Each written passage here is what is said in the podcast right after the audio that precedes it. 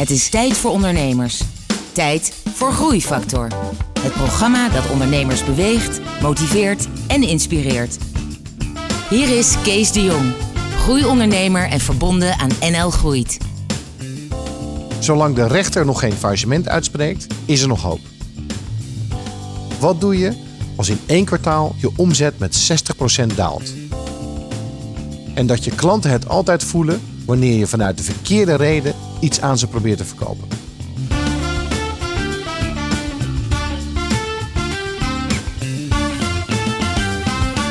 Hallo en welkom bij een nieuwe aflevering van Groeifactor. Het programma dat ondernemers beweegt, motiveert en inspireert. Met veel muziek en een openhartig gesprek met een inspirerende ondernemer. En vandaag is dat Joris Kleinveld. Joris, welkom. Ja, dankjewel. Jouw bedrijf is Auxilium, daar gaan we het straks over hebben. Je ondernemersloopbaan, je hoogtepunten, je dieptepunten eh, en hoe je daarmee bent omgegaan. Daar horen we zo direct graag alles over. We beginnen met muziek. Jamiroquai met Virtual Insanity. Groeifactor beweegt ondernemers.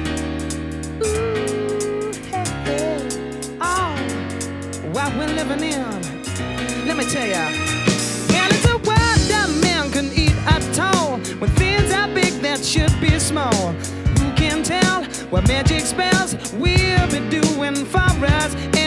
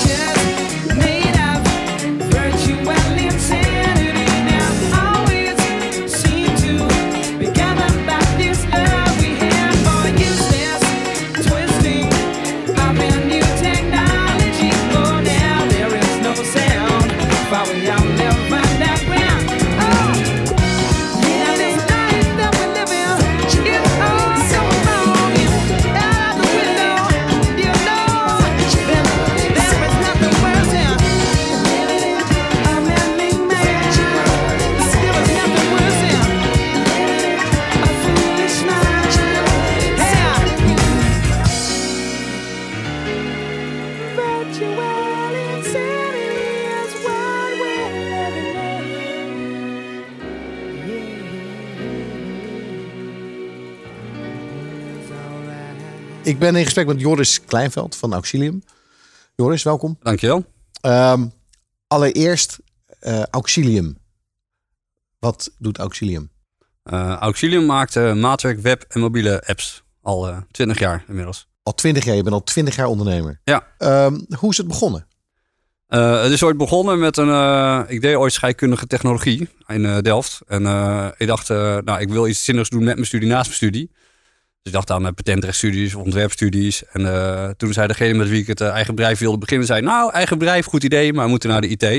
En zei ik: Nou ja, dat is goed joh.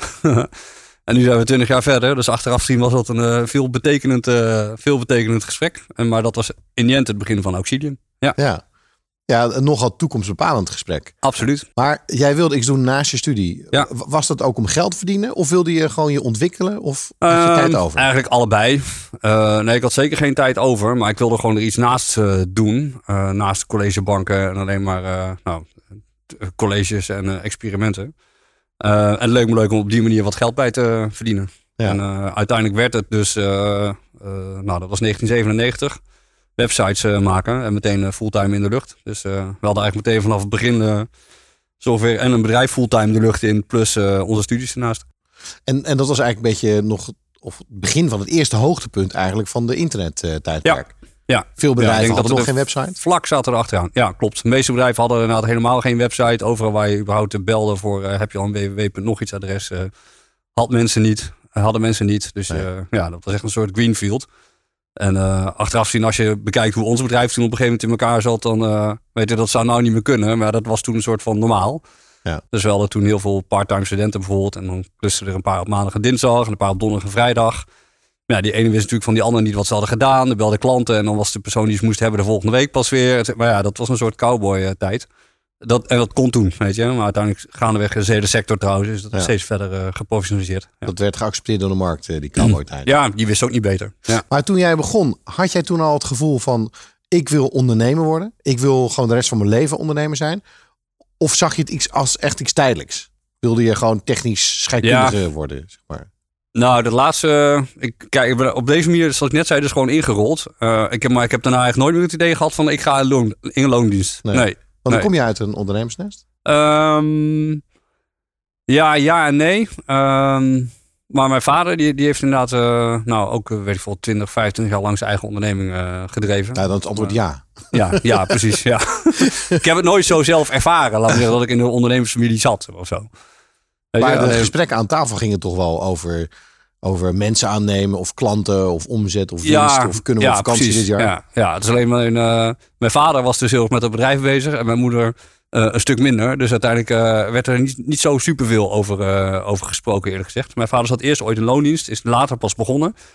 Ehm, dus heel veel aan tafel werd er niet over gesproken, over hoe dat nou ging en liep, et cetera. Dat was meer voor iets wat hij dan overdag deed. Ja. Ja, dat En was wat, wat vond hij ervan dat jij je eigen bedrijf begon? Ja, hij vond het heel erg leuk. Hij vond het echt heel erg leuk. Ja. Ehm, ik wil eerst nog van jou weten, die beginfase, toen, toen het zo eigenlijk omstuimig begon met Ja. allerlei parttimers en allerlei. eh, eh, wist je wat je overkwam?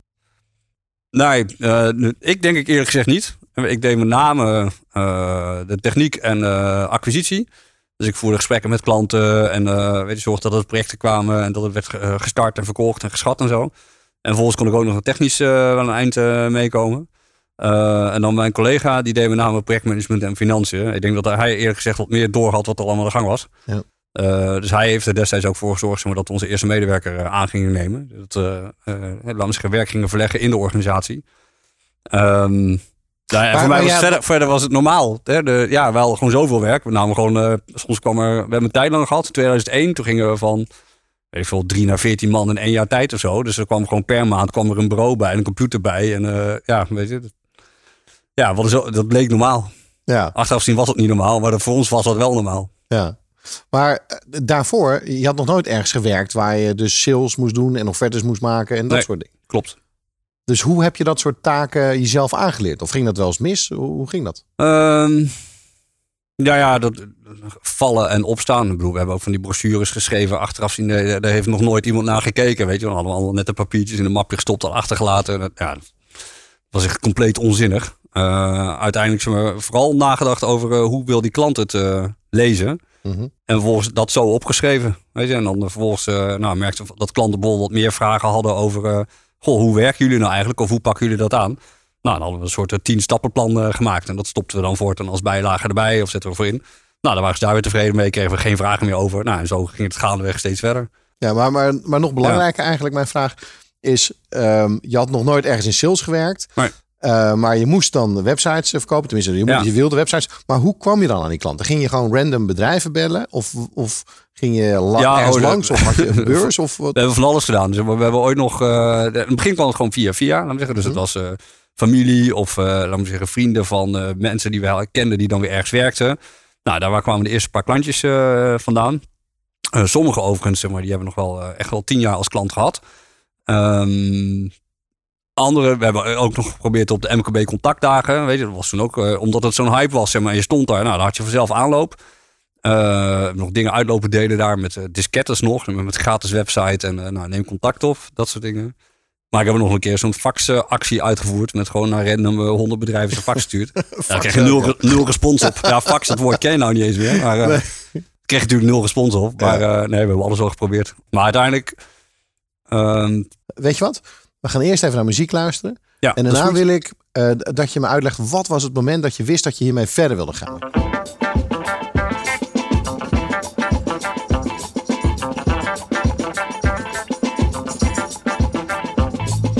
All us people got to start uniting. We got to get it together and cut out the fighting. Cause we are all sisters and brothers. We all got to learn to live with each other. We want peace. We want love.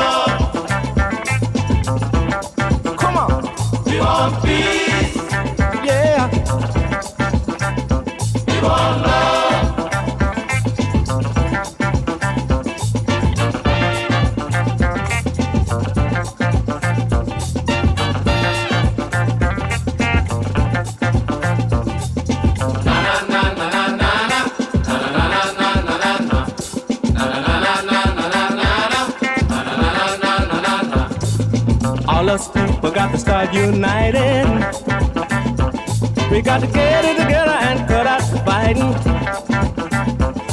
Cause we are all sisters and brothers.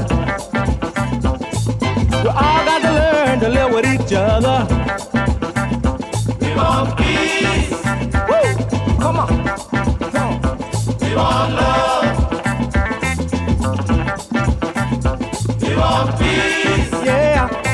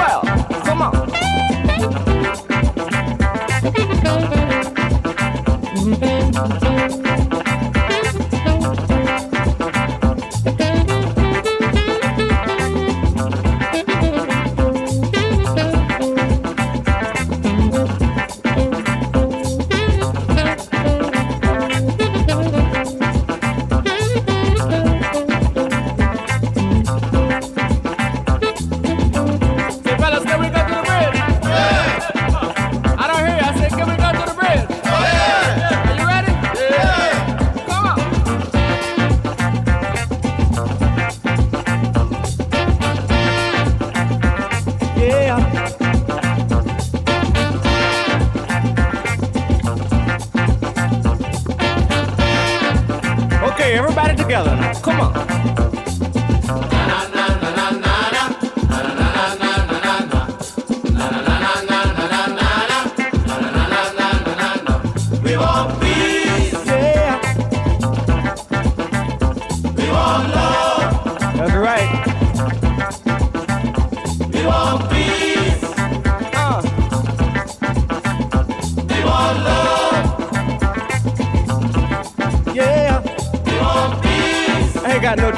Trouble. All we need is peace.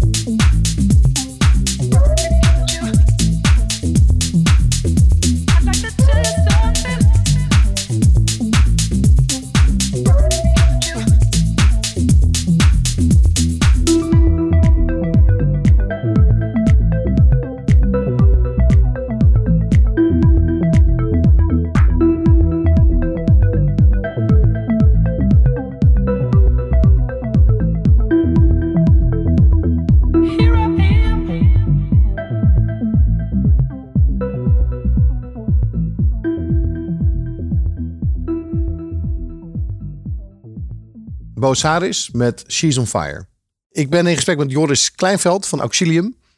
Eh, Joris, was, je was nog student. Je was je eerste bedrijf begonnen. Ja. Ehm, en, en wanneer besloot je, oké, dit is nu serieus. Ik ga nu hier mijn verdere carrière van maken. In plaats van een tijdelijk studentenbaantje. Ja, het is grappig. Ik eigenlijk heeft nog nooit iemand die vraag in mij gesteld. Ehm, ik heb eigenlijk nooit getwijfeld of dat ik echt eh, zou doorgaan of zo. Weet, ik zat gewoon een soort lopend avontuur, dus daar zat ik gewoon in. Eh, en natuurlijk ging ik daarmee door. Ehm, maar je hebt om de zeven jaar of zo heb je vaak een soort eh, itch van, goh, zit ik nog op de goede, zit ik nog op de goede weg? En ik weet wel dat ik ergens, nou dat was vlak na die crisis, zeg maar, wel van, nou, ga ik hier nou mee door of niet? 2004 eh, was dat. Ja, ja 2004 was inderdaad denk ik wel het eerste eh, moment. Van, nou goed, hè, ik heb nu een tijd lang, toen was mijn collega oprichter, die was toen al weg. Die is vertrokken in 2001. Toen Oké, wat, wat is het verhaal daarachter? Gaan Ja. straks verder over 2004. Maar hoe... klassieke eh, twee kapiteins op één schip syndroom, achteraf gezien. Ja. Ehm, hij deed met name projectmanagement en financiën. en ik deed techniek en acquisitie. Dus ik dacht eigenlijk van ja, wat doet hij nou hier? en eh, hij vond mij eh, heel erg eh, eigenwijs en eigen gereid en dat ik nooit luisterde. Nou, achteraf gezien had hij, had hij wel een punt. Maar dat zag ik toen natuurlijk niet zo. Dus we botsten gewoon heel vaak. En op een gegeven moment ja, zei ik zelf denk ik eerlijk gezegd vrij weinig meer over waar ik dacht dat heen moest met het bedrijf. Dus het liep gewoon niet zo soepel. En op een gegeven moment hebben we dus allebei de conclusie getrokken van nou ja goed, weet je, er- gaat iemand uit. Maar dat wa- was nog wel in die groeifase. Ja, dat was midden, nou ja, Dat was wel midden in de groeifase. Als in, eh, weet je, toen hadden we 14 part-times of zoiets op het moment dat hij wegging.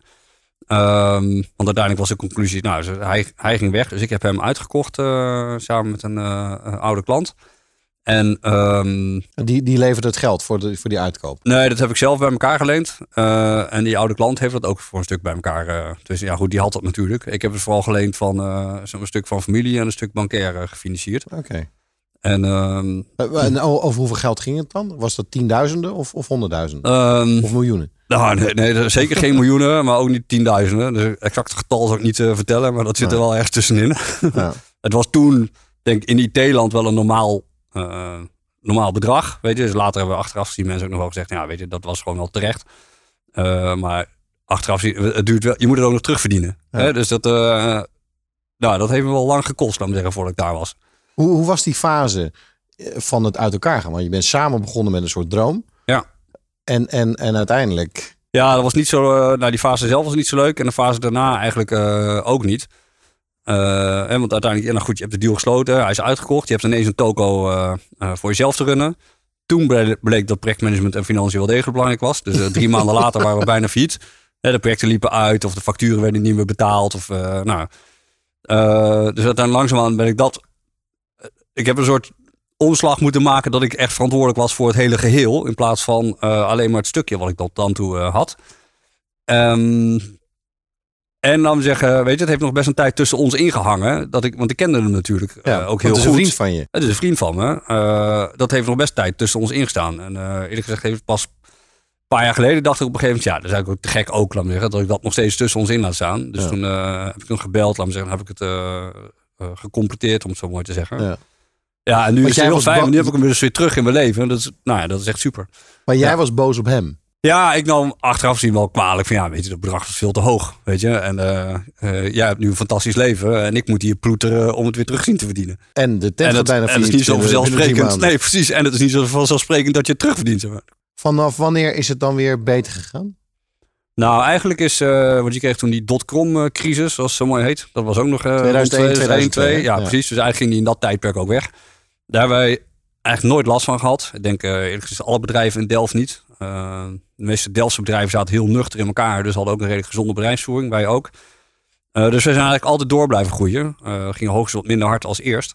Ehm, en ik ben heel langzaamaan bezig geweest om het allemaal om te zetten van veel parttimers naar zorgen dat het veel fulltimers werden. Ja. En dat heeft de bedrijfsvoering heel veel, ja, heel veel goed gedaan. Ja. Als, je, als je kijkt naar die fase van waar je toen in zat. Ja. Wat was naar jouw idee de belangrijkste factor van die groei? Nou, de- ik denk dat eh, de belangrijkste oorzaak is geweest dat we. eh, nou, één, we waren aan het professionaliseren. Dus er, er kwamen steeds meer fulltimers, wat heel veel continuïteit gaf in het, eh, in het bedrijf. Weet je, en klanten die kregen ook vaste contactpersonen, die konden bellen, kregen vaak dezelfde mensen aan de lijn. Ehm, en laten we zeggen, we waren, zijn heel erg betrouwbaar geweest in het afleveren van de dingen die we hadden beloofd. De schat konden echt absoluut niet. Dus de winstgevendheid was om te huilen, eerlijk gezegd, af en toe. Hè, we zaten er. Projecten liepen uit. ja, als er iets moeilijk is om te schatten, zijn het IT-projecten. Tegenwoordig zijn we er echt akelig eh, nauwkeurig in. Soms, meestal zitten er maar 1% naast of zo. Je schat het en dan doe je het maar twee. Ja, nee, zo werkt dat helaas niet. Nee, nee. Want ik kan me ook voorstellen dat, dat medewerkers dan op een gegeven moment zeggen... nou, weet je wat, eh, ik kap ermee. Ik moet hard werken, we halen onze bonussen niet. eh, of, Ja, ja, wij zijn nooit zo'n bonusbedrijf geweest. Uh, sterker nog nooit. Ehm, kijk, uiteindelijk de, de grote kracht bij Auxilium is wel dat het uiteindelijk is het één team wat ervoor staat dat de dingen gewoon eh, uiteindelijk worden opgelost en gedaan. Die moeten, worden, die moeten gebeuren. Eh, zelfs dan moeten we er wat harder eh, voor werken. Dus uiteindelijk het team is altijd gewoon redelijk compleet gebleven. En dat heeft ook gemaakt dat we uiteindelijk zelfs de projecten die we verkeerd hadden ingeschat gewoon hebben afgemaakt. En dat heeft dan uiteindelijk gezorgd dat die klanten bleven... en dat ze terugkwamen en, en dat ze misschien andere... eh, zeg maar adviseren om ook met jullie te werken. Ja, precies. Ja, alles uiteindelijk, eh, dat was wel een stukje van voor de muziek, laten we zeggen. Uiteindelijk draait alles om vertrouwen. Eh, weet je, we hebben redelijk wat bedrijfskritische applicaties overal. Die moeten gewoon in de lucht blijven en je moet kunnen bellen om nog dingen aan te veranderen. Hey, je hintte er al een paar keer zelf naar. Inderdaad, die enorme groei tot met 2009. Toen had je Ja. 24 man zitten. Ja. En toen kwam ehm, zeg maar de ja, de crisis, de kredietcrisis voorbij zijn. Ja. meer eh, jullie raakten dan, dan andere bedrijven, zo te horen. We luisteren eerst naar muziek en daarna horen we graag jouw verhaal. Dit is Marcia Ambrosius, Lugia.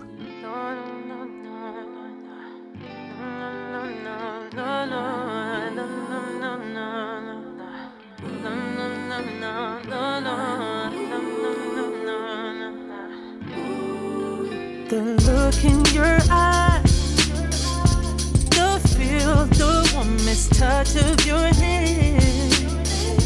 The first I knew it would be the last. The last time I'd be kissing someone else, and no one else for me would do. Yeah, yeah, yeah. And no matter what, I'll always be right here for you. Yeah. No matter what they say, I'll stay so true to you, so good to you. Yeah. It ain't a question if I love you because I love you. know I love you, babe. I said I love you, babe. You know I love you, babe. I love you, babe. When you run in these streets, long as you come on to me, baby. Baby, don't wait until I don't change. I'll stay right here where you are. From the bottom, I know that we come so far. It's not honest, but it takes care of us. I know you will always be the one. And no matter what, I'll always be right here for you. Yeah. No matter what they say, I'll stay so true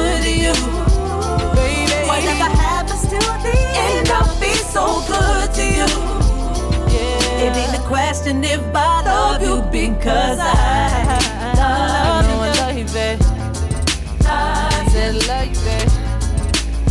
You know I love you, babe. I love you, babe. Ooh, they won't understand why, cause it's all that we know tonight, baby.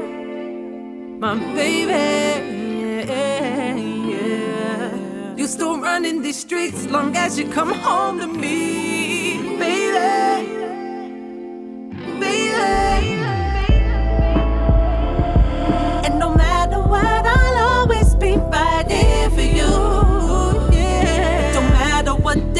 I'll stay so true to you. Whatever happens till the end, I'll be so good to you. It ain't a question if I love you because I love you. You know I love you, babe. I said love. You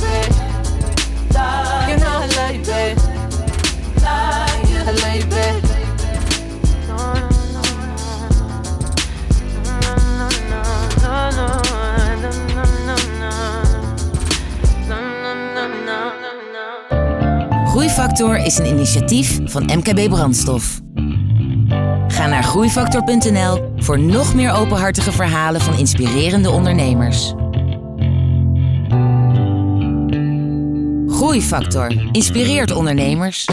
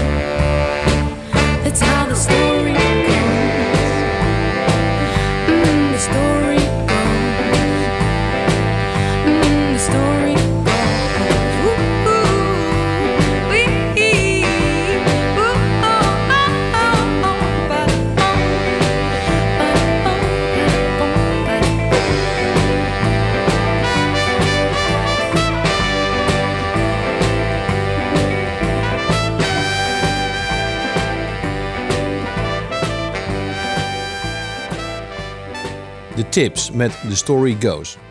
Ehm, Joris, dit is ook een muziekprogramma. Ja. Ehm, dus we vragen ondernemers eh, de vraag: wat heb je met muziek? En heb je iets met muziek in relatie tot je werk en je bedrijf en je ondernemerschap? Ja, ik denk wel dat de muziek brengt een bepaalde stemming eh teweeg. Ehm, dus je hebt van die eh, nummers die blijven dan hangen op het moment dat je met bepaalde dingen bezig was. Dus ik heb nog één zo'n zo'n nummer van eh, afstuderen ooit. was een nummer van Moby, maar ik weet niet eens meer precies welk nummer het was. Ehm, maar het andere is, eh, weet je, ik dans vooral heel eh, graag. Eh, zoek, een soort Latijns-Amerikaanse eh, dans. Nou, het zegt benadert voor mij de meeste essentie waar, van waar dans over gaat. Namelijk dat je samen eh, plezier eh, hebt in een soort sensuele dans. En, Maar dat is eh, toch die- dus daar heb ik een paar nummers van uitgezocht. Maar dat is een soort flamenco-achtige. Nee, flamenco is, eh, dat is nog veel te veel up tempo. Dit, gaat, dit is een stuk eh eh, zwoeler is het, om het zo maar te zeggen. Ja, ja. Maar zoek. En zoek, dat is de, de vorm. Dat is de, de, de groepsnaam. zeg ja maar, nou, zoek, zo heet eh, Van- de dansvorm Ja. inderdaad. Oké. En eh, het is eh, in 2000, eh, weet ik veel, 19, 11, 12 hebben die periode heel populair geweest in Nederland. Daarna een stukje niet en nu is het weer, eh, weer terug. Ja, en ik, ik vind het geweldig. Ja. Oké. En Draai je dat ook wel eens binnen jouw bedrijf? Dat mensen zeggen, joh, moet het Nee. alweer? Of, Nee, nee, nee, helemaal niet. Nee, nee, nee. Het is wel zo dat bij ons eh, heel veel mensen zitten met headset. Ja. En die luisteren gewoon eigen muziek van hun, eh, hun keus. Of eh, sommige mensen luisteren juist helemaal niks. Ja. Nee, dat mag iedereen lekker zelf weten. Oké. Ja. Nou, we hebben- maar we hebben nog- geen centrale muziek. Heb je nog een speciaal nummer? Ehm, nee, ik heb er een paar uitgezocht. Maar ik denk, nou, die zijn leuk. Ik ben eerlijk gezegd niet zo goed in nummers en namen en artiesten. Maar wel, laat me zeggen, ik herken heel snel, dit is een goed nummer. Dus daar heb ik er van een paar Nou, meegenomen. weet je wat? We pakken de eerste van je lijstje. Daar gaan Ja. we nu naar luisteren. Heel goed.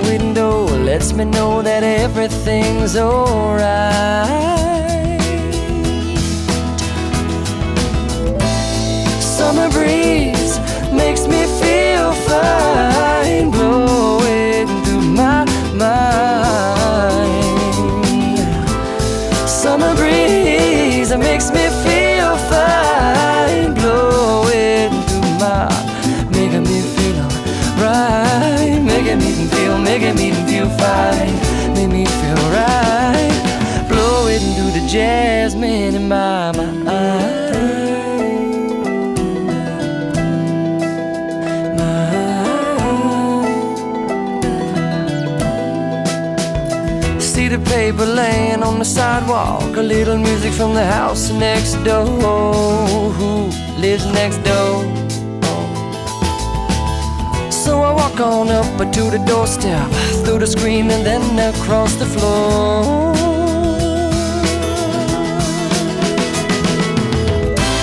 Summer breeze makes me feel fine, blowing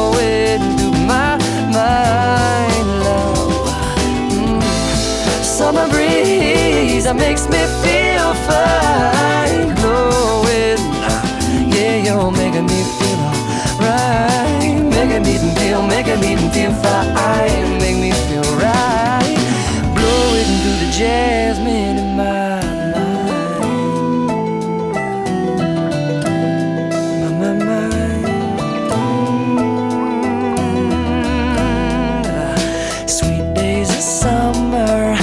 jasmine's in bloom. July is dressed up and playing a tune. When I come home from a hard day's work, and you're waiting, waiting, waiting, waiting, waiting, waiting, waiting there. Yes, you're waiting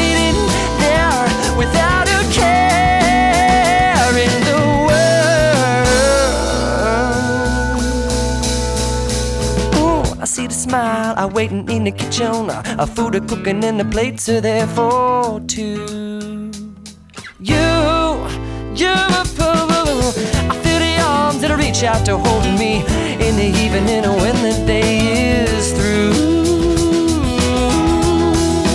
Come on home soon. Summer breeze makes me feel fine, blowing through my mind. Breeze makes me feel fine, blowing through my, uh, making me feel right, making me feel, making me feel fine, make me feel right, blowing through the jasmine in my mind, Blowing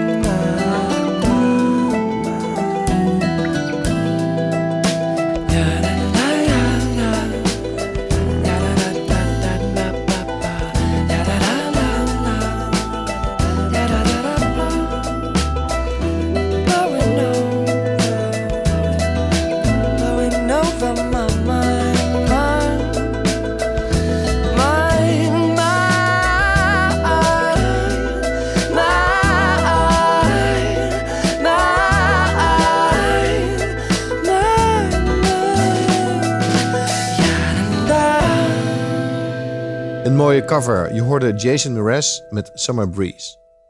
Ik ben in gesprek met Joris Kleinveld, Auxilium. Ehm, Joris, jouw bedrijf dat je uiteindelijk zelf bent gaan leiden zonder je compagnon, eh, groeide eh, systematisch, gestaag door. Je had een man of 24 eh, in dienst, omzet liep goed, 2009 en de crisis kwam. Ja. ja, wij waren net verhuisd naar een nieuw pand. Want ik dacht, eh een grachtenpand in Delft.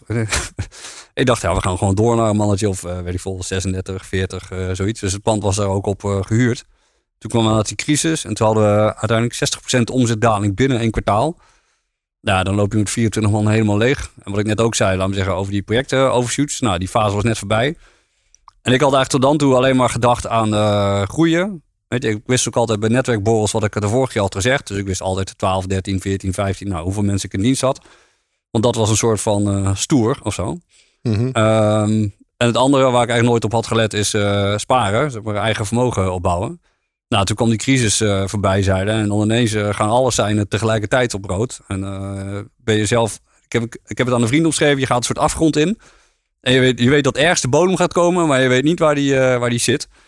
En je, je begint zelf alleen maar meer tijd te verliezen aan financieel gedoe, om het zo maar te zeggen.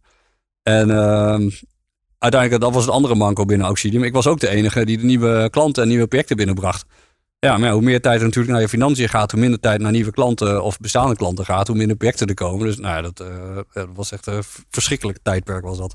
Dat was Ja. een, eh, dat was een eh, zeg maar, een spiraal naar beneden. Ja. Je noemde die bodem al. Wanneer kwam die bodem? Ehm, nou, zijn uiteindelijk dus bij 8, 9 man. Ehm, Dus van 24 naar 8, 9 man. Ja, precies. Ja, dus uiteindelijk per maand ging iemand weg. We hebben een tijd, ik heb de andersom-periode meegemaakt. Ja. En nu ging ongeveer per maand iemand weg. Dat waren in eerste instantie gelukkig, laat me zeggen, de, eh, de, de goede personen waar wellicht toch wel een keer een gesprekje mee te voeren eh, was. Maar ik heb met het hele team op een gegeven moment gesprekken gevoerd van ja, ik snap het prima als je nu denkt, ik verlaat dit schip. Ik zei, maar ik wil wel weten. Ik blijf ervoor staan, maar ik wil wel weten voor wie ik dan aan het eh, strijden ben. Dat heb ik met iedereen gedaan. En de personen die toen hebben gezegd, zeg maar, nou, ik blijf, die zijn ook allemaal gebleven. En ehm, eh, het dieptepunt was op een gegeven moment in oktober 2009 of zo, volgens mij. Ja. En het begon eind 2008 voor ons. Het dieptepunt was oktober 2009. Toen kon ik de salaris niet betalen.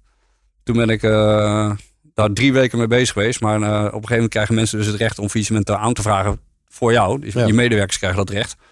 Er zijn Dus drie- destijds overwogen hebben. Maar de, je Je had drie weken achterstallige salaris. Dus, ja, je- dus ik kon drie weken lang de salaris niet betalen. Ik had geen kant meer om uit te gaan. Weet je, de bank ging niet helpen. Ergens anders kon ik ook niet. Het was gewoon op. Moest gewoon wachten tot het geld binnenkwam en ik het kon betalen. Ja, en dan krijg je een hele gekke sfeer in je bedrijf. Want je bent en, laat me zeggen, de, de lul die het allemaal veroorzaakt heeft. Maar ook de held die het allemaal moet gaan lossen.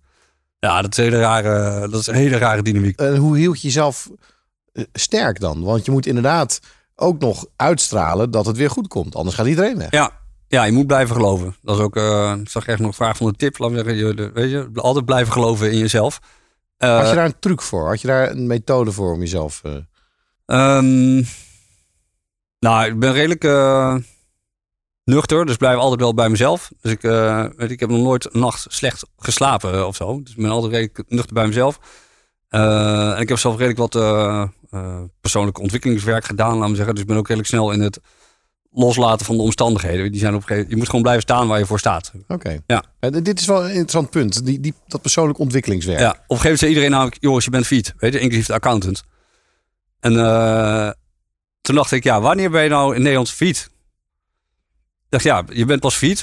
Dat is de, de eindconclusie. Als de rechtbank zegt je bent fiet, Ja. dan ben je fiet. En ik denk, nou, heeft de rechtbank dat gezegd? Nee. Oké, nou, dan ben ik dus niet fiet. Hup, Dus is, tegenaan. er, dus is er hoop. Ja, precies. Maar goed, dat soort nuchterheid moet je wel eh, hebben. Want anders dan ben je verloren in zo'n toestand natuurlijk. Ja, maar dat heeft ook te maken met... Je bent natuurlijk eh, slim. Hè? Je zat op een goede universiteit. Ja. Maar persoonlijke ontwikkeling... Volgens mij eh, doelde je ook nog op andere dingen. Ehm, ik heb zelf redelijk wat training gevolgd bij, eh, bij Landmark. En je leert wel echt gewoon bij jezelf te blijven. Eh, weet je, en, en in je eigen kracht te blijven met dat Hoe, hielpen die trainingen je met je Ehm, nou, de- ontwikkeling als leider? een paar dingen. Eén, gewoon leiderschap nemen. Dus gewoon staan waar je voor staat en dat ook uitspreken. Twee, ehm, in communicatie blijven over waar je zit. Ik ben met al mijn leveranciers en alle mensen eh, altijd eerlijk geweest over hoe het stond. Eh, en sommige mensen hebben echt wel een tijd op hun, eh, op hun geld moeten wachten of daar heel veel geduld mee moeten hebben. En daar afspraken over maken. Ehm, en het laatste, dat is eigenlijk meer dat is eigenlijk gedurende de hele carrière al wel, is gewoon luisteren naar mensen. En dat is met name voor je medewerkers, waar hun zorgen zitten, maar ook gewoon bij klanten. Weet je, heel veel klanten hebben natuurlijk wel ideeën over um, wat ze willen, maar vaak zitten er nog heel veel andere ideeën achter. En je moet eigenlijk de gesprekken zo zien te voeren dat je daar achter komt en samen een soort beeld kan maken van wat je, wat je wil hebben. En waar ik op een gegeven moment bijvoorbeeld voor mezelf nog als, als laatste om dat af te maken achter kwam, is uh, dat ik heel lang naar klanten keek, eh, zeker vanuit die crisis op een gegeven moment, van ja, ik moest gewoon een opdracht hebben, snap je? Maar dan gaat het helemaal niet meer over dat je samen iets moois maakt. Dan gaat het gewoon over, jij moet mij geld gaan geven en dan gaan wij wat dingen voor je doen, want dan kunnen wij weer een maandje verder overleven. Nou, dat verstoort natuurlijk op een gegeven moment al je klantrelaties. En op een gegeven moment kwam ik erachter, weet je, dat ik eigenlijk die hele toestand eh, eh, op die manier aan het overleven was. En toen dacht ik, ja, uiteindelijk is dat niet hun probleem, weet je? En toen ben ik verschoven naar dat klanten, dat we echt gewoon een- bijdrage gaan zijn aan wat zij willen. En sinds we komen vanuit bijdragen, gaat het ook veel beter. Ja. Maar dit is, dit is wel een mooi, mooi inzicht ook. Ja. Juist als je iets wil verkopen, je, vanuit de verkeerde motivatie, mensen voelen dat toch ook? Ja. Het, het is, daar zit Ja, toch een... eh, feilloos. je feilloos. zegt te ja. snel ja op iets waarvan je weet dat het eigenlijk niet goed is voor de klant. Nee, nou ja, eh, dat klopt. Of laat me zeggen, of wat niet goed is voor jezelf. Weet je? Soms wordt het ook een soort noodzaak geboren. En dan eh, denk je, nou, dan heb ik in ieder geval dit maar binnen. Ja. Maar dat is helemaal niet goed voor je eigen organisatie. Dus, Ja. ja. Hey, even één vraag nog over die, over die, die trainingen en die ontwikkeling die je hebt Ja. gedaan. Want ik vind, dat, ik vind het heel goed. Je was natuurlijk Delftrik. Tenminste, zo Ja. mensen niet uit Delft, die noemen, die noemen jullie Ja, zo. ja, ja, klopt. Ja, fietsenmakers. Eh, technisch, technisch ingesteld. Ja. En op een gegeven moment heb je bedacht... oké, ik moet mezelf ontwikkelen om een betere leider te zijn voor het bedrijf. En zo ben je op zo'n, op zo'n programma terechtgekomen. Ja, klopt. Wat was de aanleiding daarvan? Ehm, nou, mijn aanleiding was eigenlijk al in 2001. Ik had toen eh, eh, een relatie. Die liep eigenlijk niet... eh, ik was gaan samenwonen, laten we zeggen, liep eigenlijk niet lekker. Eh, dat was ook de periode dat het niet zo eh, lekker liep met mijn collega Eh, en ik had mijn studie, die was ook nog steeds niet af. Dus ik liep daar best wel een beetje met mijn ziel onder mijn arm. Eh, en op een gegeven moment kwam het punt dat ik dacht... ja, maar er is één gemeenschappelijke factor in het hele geheel. En dat ben ik zelf. En dat was eigenlijk het punt dat ik dacht... nou ja, dan moet ik in ieder geval iets met mezelf. Wat uiteindelijk maakt niet zoveel uit. En toen ben ik inderdaad eh, hier terechtgekomen. Maar de, nou ja, en uiteindelijk heeft dat wel bij mij een soort momentum gegeven. Oké, ik, ik moet iets. zeggen. En dan, dan krijg je dan een stuk zelfreflectie en tools om daar dingen mee te doen. En nou, dan gaat de wereld er vanzelf weer anders uitzien. Openhartige gesprekken met inspirerende ondernemers. Je luistert naar Groeifactor.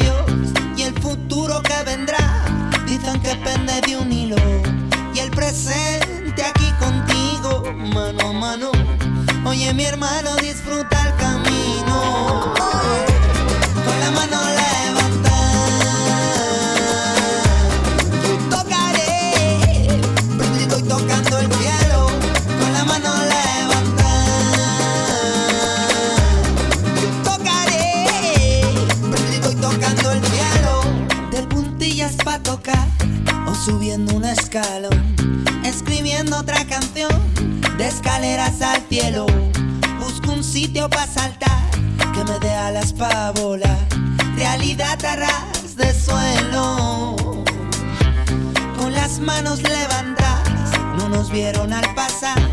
Cuántas manos hay que alzar para que escuchen de nuevo. Duerman la imaginación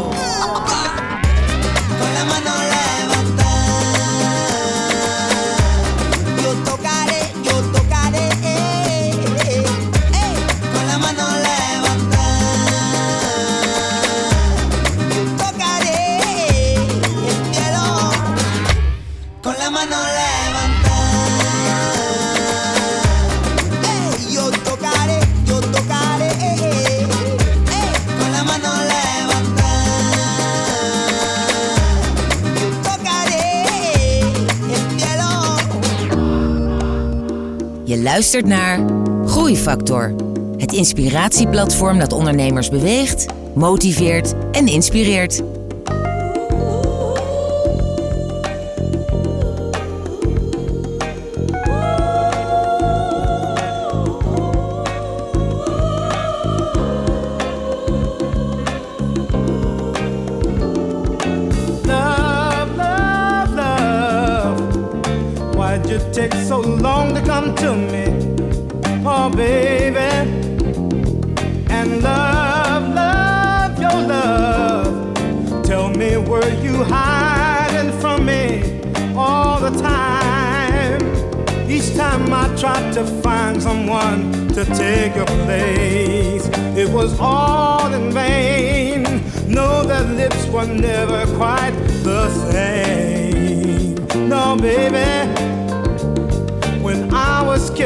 someone new. Deep inside, I was missing you. Oh, baby, you made me fall in love with you. Now I don't know just what I'm gonna do. Oh, honey, I looked out into empty space, and all I saw was you.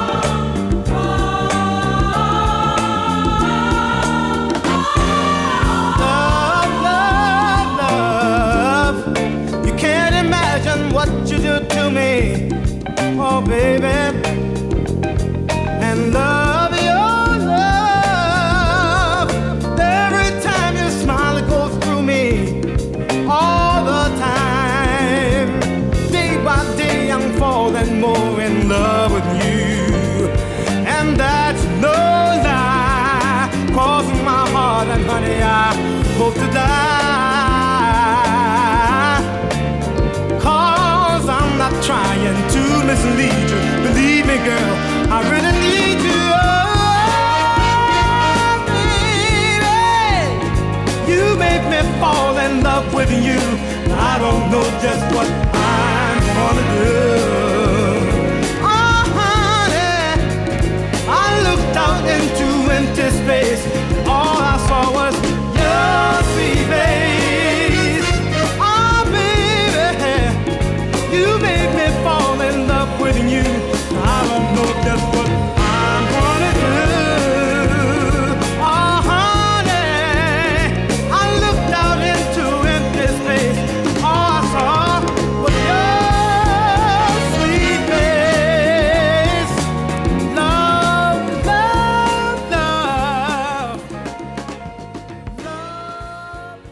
Luistert naar Donny Hathaway met Love, Love, Love. Ik ben in gesprek met Joris Kleinveld van Auxilium. Ehm, Joris, we hebben net naar jouw zoek eh, muziek geluisterd. Ja. Nou, dat is eh, fantastisch. eh, nou, swingend. Ja. Swingend. Ik weet niet of dat het juiste woord is. Gaf een goede feel in ieder geval. Ehm, ik wil even terug naar jouw ondernemersverhaal. waarin je weer wilde groeien. Ja. En daar, is, daar gebeurde wel iets aparts. Want jij hebt je eigenlijk sindsdien, sinds 2012, sinds 2013, voorgenomen. Ik wil niet meer zo groot worden. Nee, dat klopt. Ik vond Terwijl het, eh, daarvoor was groeien jouw belangrijkste motivator. Je wilde iedere keer laten zien dat je verder was gegroeid. Ja, ja, klopt. Ja. Ja, ik wilde, ja, achteraf zien, eh, weet je, measures create the game, zeggen ze wel eens. Ja, dat, eh dat stoer doen met hoeveel mensen was eh, niet een goede measure, denk ik. Ehm, dus eh, een paar lessons learned in die crisis. En eh, boven 12 tot 14 man, dan begint het gewoon, eh, dat vraagt wat anders van je organisatie dan tot 12, 14. En als ik dan gewoon kijken wat bij mij persoonlijk past, dan is een club van 12, 14 man is, is helemaal prima. En het is natuurlijk niet zo dat je dan niet wil groeien. Eh, maar ik ben vooral gegaan voor het niveau klanten en het type klanten wat, je, wat je hebt. en uiteindelijk ook ehm, je, het vertrouwen wat je geniet. Dus ik, ik, eh, het, het type klanten sinds 2012 is wel enorm veranderd. Dus we werken nu, eh ik kan ze dus helaas niet noemen, maar het zijn voornamelijk hele grote Ja. organisaties. Maar nog even terug naar dat, wat jij zei, dat er veranderde vanaf 12 tot 14. Ja. Wat is het dan dat verandert waarvan jij denkt, oké, dat, dat is niet voor mij, dat hoef ik niet. Ehm, nou, wat niet voor mij is, is eh, al het gejaag op projecten. Ehm, Dus de druk die je hebt, dat je iedere kwartaal weer ja, moet... eh, precies. En eh, wat er ook veranderd is, is ehm, eh, weet je, dan kosten wat kosten. Dus naar projecten moeten, moeten starten die eigenlijk uiteindelijk helemaal niet, niet goed voor je zijn of niet goed voor de organisatie. Omdat je, kijk, met Matrix Software is het zo, als je eenmaal een project start, dan de klantrelatie die je vervolgens hebt, ehm, die systemen gaan niet zomaar uit gebruik. Weet je? Dus de, Ja. de meeste relaties die we hebben, die hebben we wel 15 of soms 15 jaar. Eigenlijk moet je heel goed nadenken over met Wil je wie je klant met- wel? Ja, Ja. precies. Het is net een soort huwelijk. Ja. Soms is het nog erger, want je sluit gewoon heel veel. en je kan ook niet zomaar zeggen, nou we stoppen ermee. Dan kan je van alle- van allebei de kanten kan dat eigenlijk niet. Ehm, en ik denk dat ik sinds 2012 veel beter nadenk, oké, wat past nou bij ons en bij onze organisatie? Eh, en nu hebben we dus hele ja, eh, klantrelaties die gaan gewoon heel respectvol eh, met elkaar om, in plaats van dat het allemaal tot, eh, tot de bodem moet. Maar het houdt ook beperkingen met zich mee. Ja. Want het is eh, g- werken bij een groeiend bedrijf, en dat weet ik ook uit ervaring. Weet je, dat, dat, dat bruist. Hè? Iedere keer nieuwe mensen, het bedrijf Ja. groeit, er zijn nieuwe Klopt, dat geeft dynamiek. Ja. Nieuw kantoor, Ja. internationaal. Ja, daar daar klopt. zijn een aantal avonturen bij die ook gewoon het leuk zijn en het leuk maken. Ja, ja dat, eh, dat is absoluut zo. Dus eh, vandaar dat groei in de afgelopen periode met name heeft bestaan uit eh, met name groei in het niveau van de klanten die we, die we hebben. En dus, laat me zeggen, de, de, de feedback en de projecten die je kan doen. Want op zich, de, qua, qua wat we doen, zeg maar, wordt het denk ik niet heel veel leuker zeg maar, voor, een, eh, voor een developer. Dus ja, we zijn gewoon een leuke plek om, eh, om bij te werken. Maar het biedt inderdaad ook beperkingen. Kijk, als je een, een team wil aansturen van, laten we zeggen, 30 man, ja, dan zit het inderdaad bij ons niet goed. Dus het is wel een redelijk bewuste keuze om, om bij ons te werken. Ehm, ja, en voor dat soort type functies houdt het inderdaad op een gegeven moment, eh, bij ons houdt het, we houden het op. Ja. Ja. Hey, en, jouw, en jouw eigen droom en ontwikkeling. Ja. Want als jij zeg maar leiding geeft aan 12, 14 man, weet je wel, op een gegeven moment doe je dat eh, Nou ja, op dat klopt. dinsdagmiddag. Ja. En dan heb je de rest van de week. Nou ja, precies. Kijk, dus wat ik zelf het leukst vind, is om met klanten dingen uit, te- uit te denken en zorgen dat die waar worden. Maar, maar je hebt gelijk, weet je, op een gegeven moment, ik, ik heb het relatief rustig. Ook omdat het gewoon heel goed, heel goed gaat. Dus je hoeft ook weinig brandjes meer, eh, meer te blussen. Ehm, dus ik haal de, de voldoening zelf voornamelijk uit sparringpartner zijn voor eh, andere cases. Dus ik word ook wel eens extern gevraagd van, goh, kan je hier en hier een keertje naar kijken? Nou, soms doe ik dat zelf. Soms vraag ik gewoon mensen van auxilium dan mee, zeg maar, om, eh, om, om door te lichten. Qua droomklanten heb ik nog wel eh, de Belastingdienst om netvlies staan. Dat lijkt me nog super om een keer te doen, omdat daar volgens mij qua IT nog een hele hoop te halen valt. Ehm, dus dan zijn het meer dat soort dingen. Ehm, en daarnaast heb ik een spin-off eh, bedrijfje. Ja, ik, zag, ik zag dat je Blitz was, was ja, begonnen. Blitz. Ja, kijk, uiteindelijk zijn we met eh, een urenbedrijf zoals Auxilium is. Je kan heel ver komen, eh, maar je blijft uiteindelijk een urenbedrijf. Blitz is een bedrijf wat bouwvergunningsaanvragen faciliteert voor gemeenten. Voor het aanvragen van, door burgers dan van vergunningen voor dakkapellen, aanbouw en dat soort dingen. En dat gaat veel meer op basis van gewoon pay-per-use model is dat. Ehm, nou, dat is leuk om dat steeds eh, groter te krijgen. Het heeft jaren, de gemeentemarkt is ontzettend traag. Dat wist ik nog van vroeger, want toen hadden we ook een keer in de ouderenzorg eh, gewerkt. En iedereen vraagt, eh, nou, waar draait het al? Nou, die vraag kan je in eerste instantie natuurlijk nooit beantwoorden. Nou, uiteindelijk draait het nu in Zaanstad, Haarlem, Den Haag en Rotterdam. Waarbij Zaanstad komen we dit jaar denk ik op een punt uit dat 90% eh, van de bouwvergunningsaanvragen loopt via dat systeem. Maar, maar zie je dan Blitz nog, nog ook zo groot groeien? Of misschien wel veel groter groeien? Ja, nou, uiteindelijk 400 qua, gemeentes in Nederland. uiteindelijk qua waardeopbouw is dat denk ik inderdaad wel, eh, wel groter. Het eh, tempo is alleen, eh, wat ik zeg, is langzaam. Ja. Dus qua tijdseffort hoef ik daar nu eerlijk gezegd niet zo super veel tijd in te steken. Want het is dus ooit begonnen in 2008. Eh, het gaat vooral van mond op mond op mond. En nu de laatste tijd eerlijk gezegd gaat het heel hard. Want de gemeente Zaanstad die heeft vorig jaar de prijs gewonnen. Nou, sorry, eerder dit jaar was het. Prijs gewonnen voor het beste gemeentelijk ICT-project. En sindsdien staat het ineens in de picture. En nu is, Oh ja. nu, nu, is, eh, nu is de vraag vaak, eh, goh, waarom hebben wij dat eigenlijk nog niet? Ja. Terwijl vroeger was het, waar draait het al? Dus Nou, ze komen, ja. ze komen makkelijk binnenvliegen. ja, nu gaat het veel makkelijker. En, ja. en is jouw plan dan om naast Blitz straks nog een andere en nog een andere? Dat je een soort... Ja, wellicht. Het lijkt mij wel leuk om, eh, eh, om in wat meer initiatieven betrokken te zijn. Eh daarnaast ben ik in Delft, eh, kijk, ben ik ook nog aan het kijken of ik eh, op sociaal vlak eh, nog dingen kan, kan doen. Eh, IT-projecten met mensen uit de bijstand. Daar hebben we nog wat ideetjes voor eh, gelanceerd bij het lokale eh, werkbedrijf, Werkse. Ja. Nou, daar, daar kom ik binnenkort nog een keertje op, eh, op terug als dat in de stijger staat. Maar dat, dat soort dingen vind ik leuk om te doen. We praten zo direct verder. We luisteren eerst naar muziek van Robin Thicke met Morning Sun.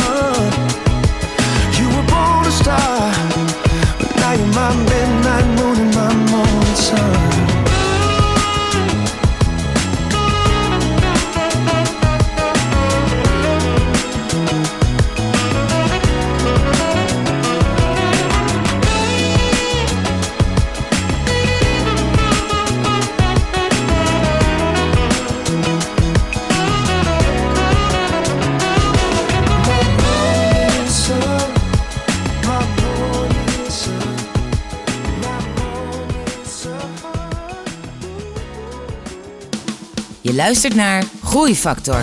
Openhartige gesprekken met inspirerende ondernemers. Groeifactor beweegt ondernemers.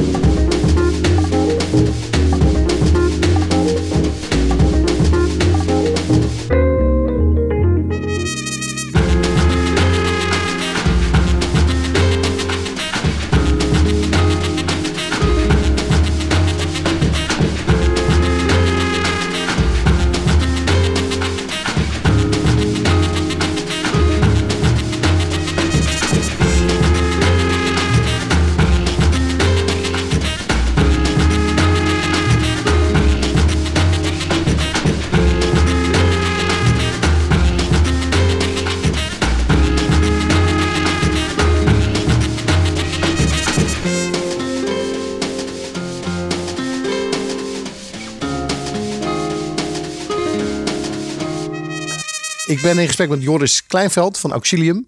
Ehm, Joris, heb jij voor jezelf nog een, een doel waar je zelf als ondernemer, als mens naartoe wil groeien? Hmm. Kijk, wat, ik, wat, ik, wat mij drijft, zeg maar, zijn een paar dingen. Eh, en, en, zolang ik dat heb in mijn leven, ben ik eh, gelukkig. Ehm, dat zijn, zeggen, dat, dat ik mee kan helpen om dingen waar te maken die er nog niet zijn. Of dat nou IT-projecten zijn, of ideeën voor Delft, of eh, iets anders. Ehm, nou, dat, dat is iets waar ik eh, eh, gelukkig van word. En wat ik zelf voor mezelf fijn zou vinden, is als mijn eh, eigen inkomen niet meer afhankelijk is van de hoeveelheid uren die ik werk. Ja. Nou, dat laatste heb ik nog niet voor elkaar, maar dat is nog wel een doel. Weet je? En of het dan uiteindelijk uit Auxilium komt of ergens anders vandaan, dat maakt niet zoveel uit. Maar dat, dat ik weet dat er gewoon rust is. Ja. Ehm, nou, dat lijkt, me, dat lijkt me heel fijn. Oké. Hey, als, we, als we zo terugkijken op jouw 20 jaar, want het is precies 20 Ja, jaar 1 september, 20 jaar, ja. ondernemersloopbaan.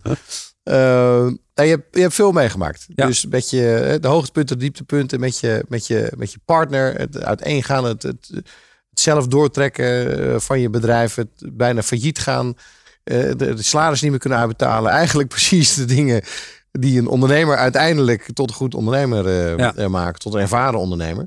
Vanuit die ervaring, wat, zou je, wat zijn een aantal inzichten die je zou kunnen delen met andere ondernemers? Ehm, volg je gevoel.